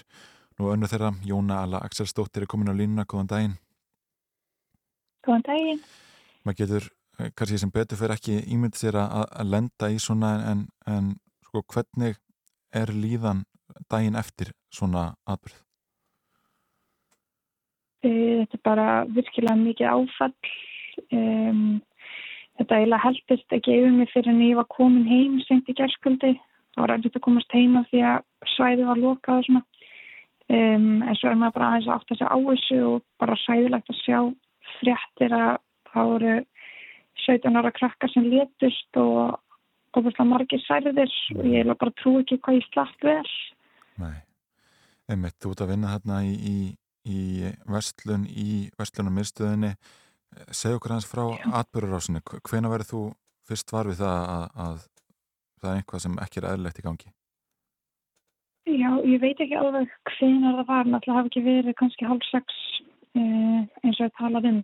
um en þá bendir samstarfskona mín mér á það að það er fólk hlaupandi fram á gangi Já. og við í rauninni bara færum okkur nær ganginum, reyna, reyna bara að sjá hvað er að gerast uh, og þá er fólk bara hópast hlaupandi í sigur áttina og fólk er bara að fara að öskra og við skiljum ekkert hvað er gangi.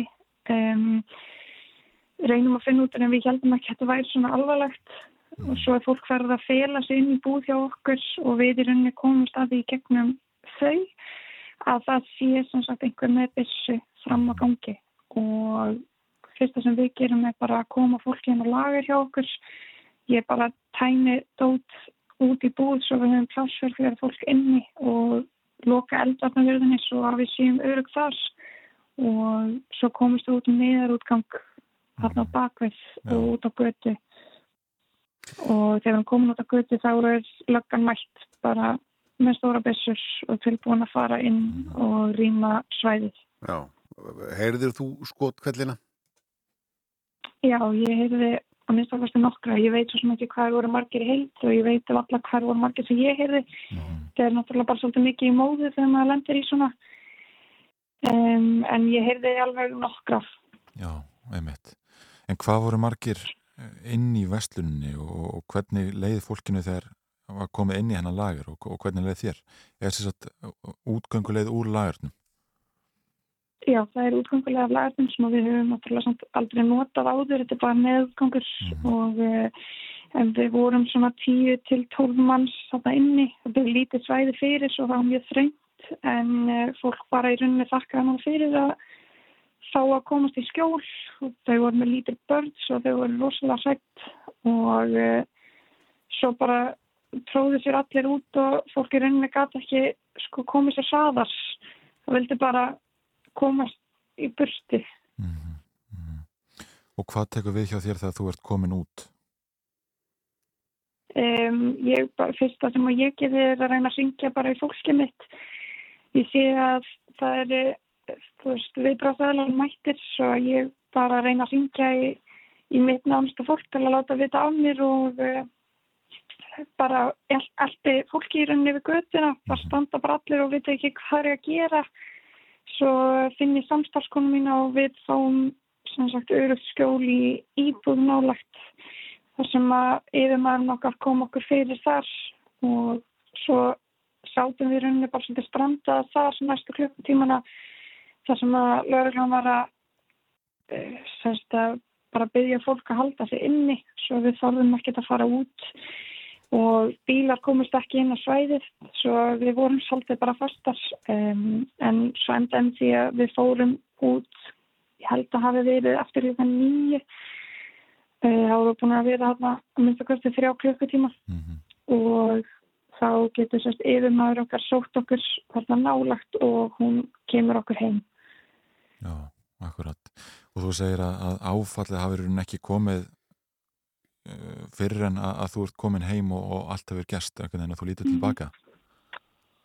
Já, í rauninni sko, því að þetta er bara, maður fer bara í einhver svona viðbrakstöðu og einhverja lausnamiðin og bara vil koma fólki og sjálfum sér auðvitað í skjól uh, og svo var þetta bara svo mikið, maður var bara að reyna að retta sér heim, maður var bara að reyna að fylgjast með fréttum, reyna að koma staði hvort að aðrir væri öryggir eða ekki, þannig að allt núrandi Íslandingum er núti, þannig að þú veist, maður hefði alveg eins getað þekkt fleiri að minni svo þetta var mjög mikið bara svona ég var bara tens í marga klukkutíma að reyna einhvern veginn ég, þú veist, ég veit ekki eins og þetta bara heldur svo um eins og ég segi þegar ég kem heim og þá fatta ég svona þannig að ég aðeins að slaka á kemur mjög mikið spennufall og þú veist, ég svaf lítið í nótt sko. Já. Eh, nú er búið að loka vestunumestin í, í, í viku þannig að þú ert ekki að leita vinnu hvernig heldur að þau skrif verði að mæta aftur til vinnu þarna? Ég eiginlega veit það ekki. Ég, sko, ég, ég mun allavega ekki taka mér eitthvað lengra frí heldur en þessa viku sem verður lokað en, en ég sjáu það ekki bara þegar ég mæti. Ég hugsa að það verði alveg erfitt að minnst kosti fyrstu skiptin að maður verður kannski svolítið svona bara í viðbrastuðu. Já, með mitt. En gott að vita af útganguleginni baka til upp á það að gera. Akkurat, akkurat. Á hvaða 100%. tíma, á hvaða tímabúti nærðu að ringja í, í fjölskyldu og vinni á meðan árusinu stendur? Um, það er í rauninni bara nokkru mínútum þarna eftir að ég hleyp út. Um, ég bara byrja að ringja, þú veist, byrja að ringja mamma mína og hún næri ekki að svara símanum, ekki góð tímrætning fyrir það. Og ringi svo næst bara í vinkunum mínar og nægi þær og svo aðeins setna nægi svo í fjölskyldunum mína. Um, þannig að ég var í rauninni bara að ringja í alla sem ég gat þarna. Ég vildi bara ná í einhvern og láta vita á mér. En mér finnst svo vond ef að fólki mitt þú veist, heyrði af þessi fréttum og vissi af mér vinna og hefði ekki heyrt í mér. Ég vildi að þetta kæmi frá mér. Um, auðvitað maður svo sem ekki í alla þannig að það voru einhvern veginn það voru allir, svona, allir heim á Íslandi voru bara í sjokki og þau að bara þau hefðu jafnvel mist andan við fréttingar sko. Veist, þetta er bara svo mikið áfall að þetta sé svona nálagt manni maður heldur aldrei að þetta komi fyrir mann sjálfan Nei. Lítur þú kaupmann öðrum augum eftir þetta? ég eiginlega veit það ekki alveg þetta er, þú veist ég bý í Malmö sjálf en vinn í Kaupanöfn og það er svona meira að tala um það þú veist, glæpatíðin er við hærri í Malmö og maður þarf svona að passa sig en það er einhvern veginn ekki talað um það jafn mikið í Kaupanöfn þá að vera örgar staðis og eh, auðvitað á þetta ekki að vera eitthvað einkennandi fyrir borgina en þetta hefur að sjálfsögðu. Ertu búin að starfa þarna lengi? Nei, ég er flyttinga fyrir mánuð síðan. Já, um, ég er þetta starfaði hjá Lindex og Íslandi í tvö ár, svo ég þekki starfið vel en þetta er svona, þetta er enda mjög staður. En hvað tekur við hjá þér núna í dag og, og næstu daga? Um, það er góð spurning, ég var alltaf að veita en okkur verður búin áfalla hjálp og ég ætla bara að fyggja hana, nýta alla hjálp sem maður getur fengið, sem maður getur unnið vel úr þessu og svo bara halda fram að fylgjast með fréttum og já, ég veit ekki, ég reyna bara að slaka hans á og vinna úr sem ég segi. Þeir eru tvær starfandi hann í þessari vestlun uh, búið þið saman en þetta er ekki sambandi við hérna. Hvað heitir hún? Uh, ég, svo sem veit ekki hvort að hún vilji nafnsins geta, svo ég ætla að sleppa því en við vorum, við vorum tvær að vinna þetta í gærum, við erum fleiri í heldina og næstum allar íslenskar Já. um, en já, og allar svona á sama stað það, það sloppu alveg vel frá þessu og þannig sétt og nema bara aðra áfallið. Já, það var engin önnur á staðunum sko, þannig að við sluppum báðar en, en við búum allar á sikkurum staðunum svona, ég held að hinnar séu allar inn í kaupanöfn svo er ég hérna í Malmö. Einmitt. Jóna Alla Axelsdóttir, takk fyrir að vera á línunni og segja okkur frá þessu og vonum að gangi vel. Já, takk fyrir. Takk fyrir gangið vel og uh, já, uh, þetta er uh, svakalt að heyra, heyra svona og hérna og þetta er svo nálátt manni að, að það er einhvern veginn erfitt að, að, ímynda sér að, að svona geti gerst. En, uh, og það er rétt að geta þess að við rættum líka hérna við uh, Svein Há Guðmarsson fyrir þættinum um aðkomu borgarþjónstunar og utanríkisraðandisins þegar þetta varð. Já. og það er þetta nálgast ég bæði viðtalið við Jónu og hann á VF Rúf Já, nefnitt. Eh, heldum eh, áfram hér í morgunútarpinu Elsku vinnur, kusk og óviti.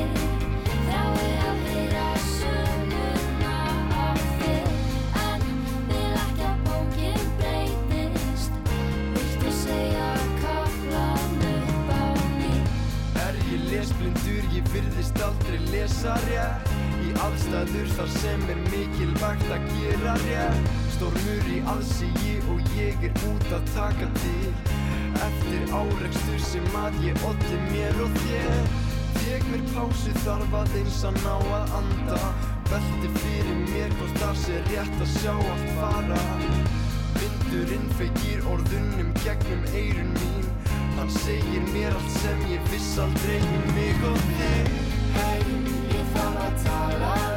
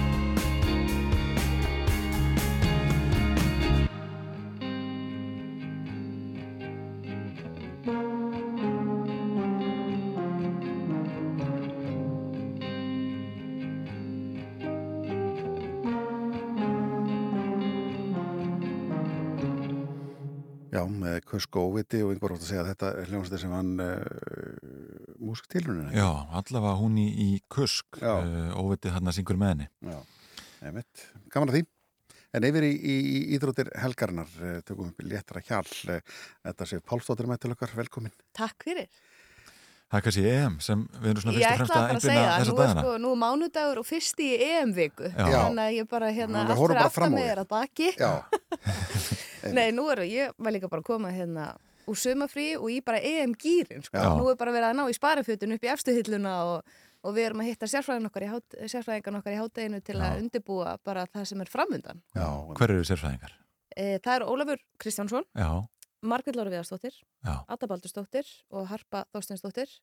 Og svo skiptust við aldrei á að vera hérna heima og úti, ég, Mm. Eva Björk og Einar Örd fer út og Helga Margrét Höskuldsdóttir verður líka með okkur með EM-stofuna og, hérna, og, og rúllum þessu svolítið og fáum líka gesti sko, til okkar út á völlin til að vera bara út á grasi þannig að það er bara rosa mikil spenna Já, fyrir já. næstu vikum. Mér finnst ég finna þetta í þjóðfélaginu, spenna fyrir, spenna fyrir þessu móti. Er það ekki? Jú. Ég nefnilega, mér fannst það fara alltaf hægt af stað þú veist og svo var það búið að vera eitthvað svona leiðileg umræða og eitthvað og maður var alveg bara, heyrðu, við erum með sko geggja Já, já. landslið Já, já. og þetta verður held í geggja mót Mhm. þannig að hérna, maður finnur það með núna hratt núna þegar fólk er að átta sig á því að þetta er bara að bresta á Já. þá svona ekst spennan hratt já, já, það er England, uh, Austuríki eða ekki fyrsti leikur á Fyrsti miðvikudaginn, leikur á miðvikudaginn, já. Og það verða allir leikinni síndir beint hérna á rúf og EM stofur í, í kringum þetta allt saman og bæði sko spennandi bara einhvern veginn okkar reðill, við erum með belgum, ítölum og frökkum en einu sinni í já. reðili og, og svo er líka bara svona, þú veist, alls ekkert augljóst ef við fyrum ekki alla leið hver gerir það þá já. það er mörg spennandi lið heimakonur náttúrulega á Englandi ætla sér stóra hluti. Þær eru með þjálfaran hérna, Sarinu Víkmann sem að gerði Holland að Europameisturum fyrir fimm árum síðan Mm. Sem fimm árum að því að móti áttu verið fyrra og fresta út á COVID. Um, við erum með Spánverja sem er með sko besta leikmann heims í sínum röðum.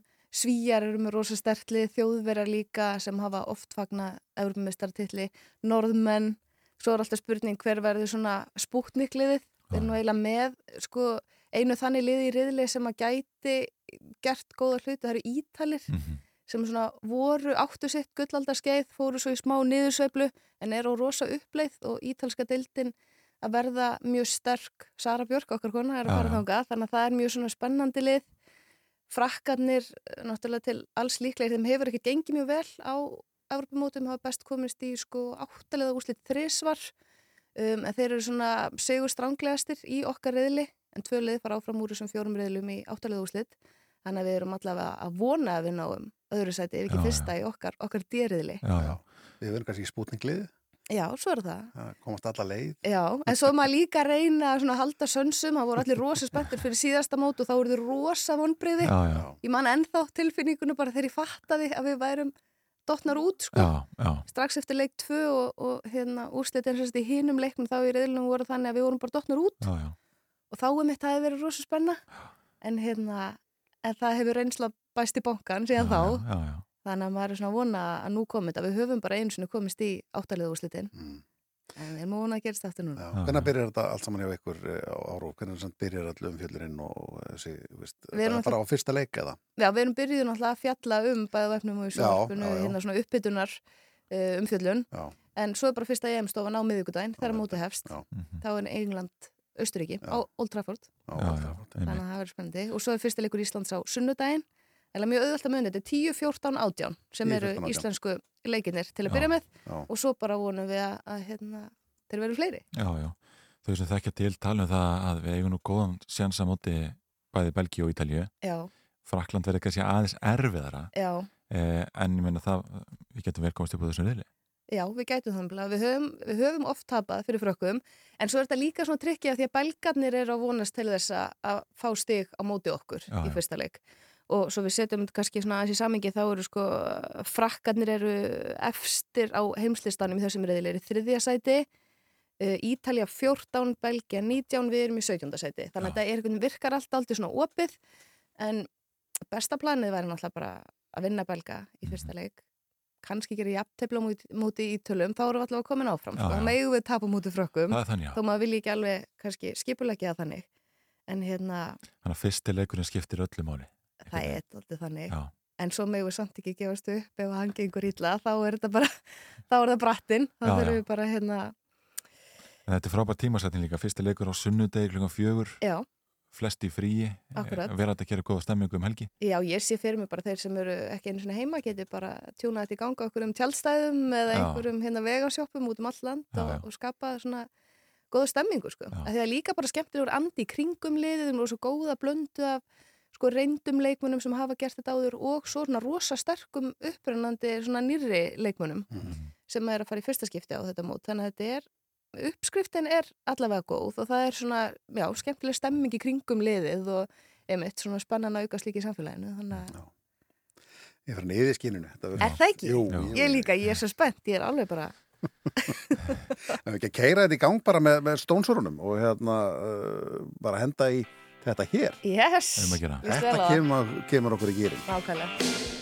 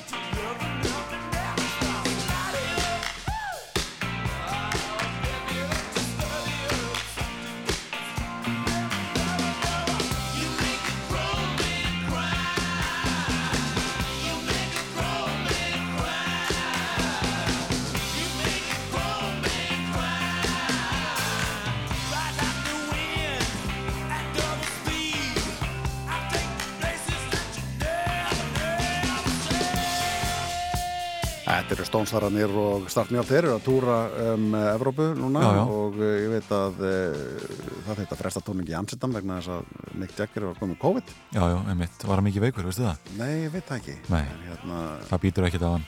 ég held að býta ekkit á hann. Nei, ég held að það sé bara á þessum tímpúti, þá, þá er hann eilífur.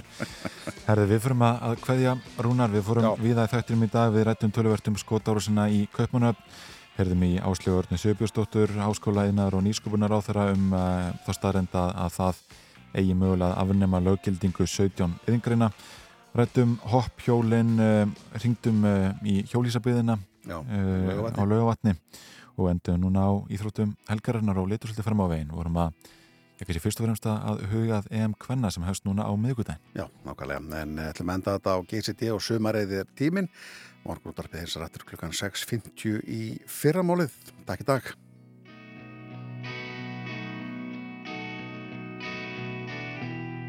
Sumarið er tíminn Þegar hjartað verður græn Og augu þín verða Híminn blá Ó já Sumarið er tímin Þegar þjóvar fara á stjá. Og að stela hjörtum. Fullum að þrá. Ó já